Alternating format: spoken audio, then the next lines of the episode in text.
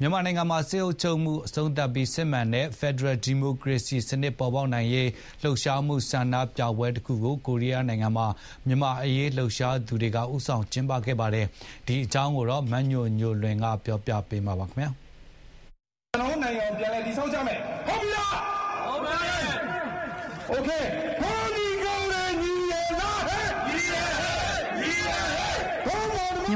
စစ်တပ်ကအာဏာသိမ်းခဲ့တာ၃နှစ်ပြည့်ကာလ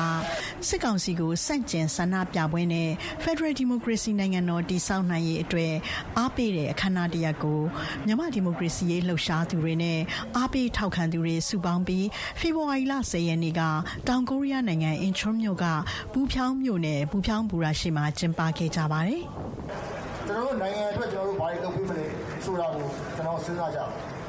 ကျွန်တော်တို့လည်းအခုလိုတော်လိုင်းတစ်ခုကိုဆင်နွှဲနေတယ်ဆိုတာမော်နိုင်ငံသူမြန်မာနိုင်ငံသားတွေအားလုံးပြည့်ဝတဲ့လူ့ခွင့်ရေးတွေရရှိဖို့စစ်မှန်တဲ့ Federal Democracy ကိုအကောင်းနဲ့ပေါ်နိုင်ဖို့ဒီကမော်နိုင်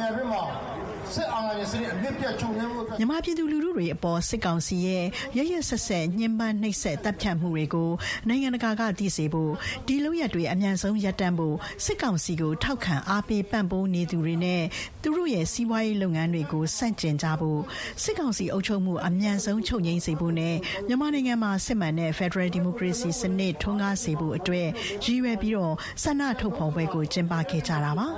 ကျွန်တော်တို့ရဲ့ဒီ MDMC ကဥဆောင်ပြီးတော့ကျွန်တော်တို့စစ်အာဏာရှင်စနစ်ကြာဆုံးရေးဖရဒီမိုစီအောင်နိုင်ရေးဆိုတဲ့ကြွေးကြော်တယ်များကြွေးကြော်ပြီးတော့ပြည်သူအားဟာပြည်သူမှာရှိတယ်ငါတို့ပြည်သူတွေညီညွတ်ရမယ်စီးရုံးရမယ်ငါတို့ပြည်သူဆက်လက်ပြီးတော့တိုက်ပွဲဝင်ကြမယ်ဆိုရင်ဒီအာဏာရှင်စနစ်ဆိုတာဘုံချကြာဆုံးပြီးအများပြည်သူတိုင်းသားတွေလိုအပ်နေတဲ့ဖရဒီမိုစီအောင်နိုင်ရေးအတွက်ကိုလုံးဝရရှိမယ်ဆိုတဲ့အကြောင်းကို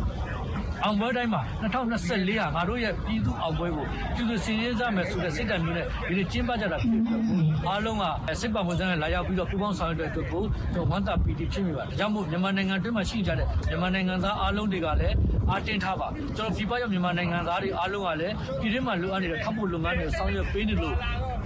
ကူညီပေးနေတာဖြစ်တဲ့အတွက်အားတင်းထားပါများမြန်မာပြည်ကျွန်တော်တို့မကြမီအကျွန်အောင်ပွဲမကြမီအချိန်တွင်းမှာအောင်ပွဲရမှာဖြစ်တဲ့အတွက်ပြည်တွင်းမှာကျွန်တော်အားလုံးစီစွညွညွနဲ့အောင်ပွဲခံကြပါလို့ပြောကြရင်းနဲ့ကျွန်တော်ကဒီကိုချုပ်ပါတယ်အားလုံးကျေးဇူးတင်ပါတယ်ရေတော်ဘုံမုတ်ချအောင်ရပါဒီဆန္ဒပြပွဲကိုမြန်မာ Federal Democracy အောင်နိုင်ရေးအဖွဲ့ပေါင်းချုပ်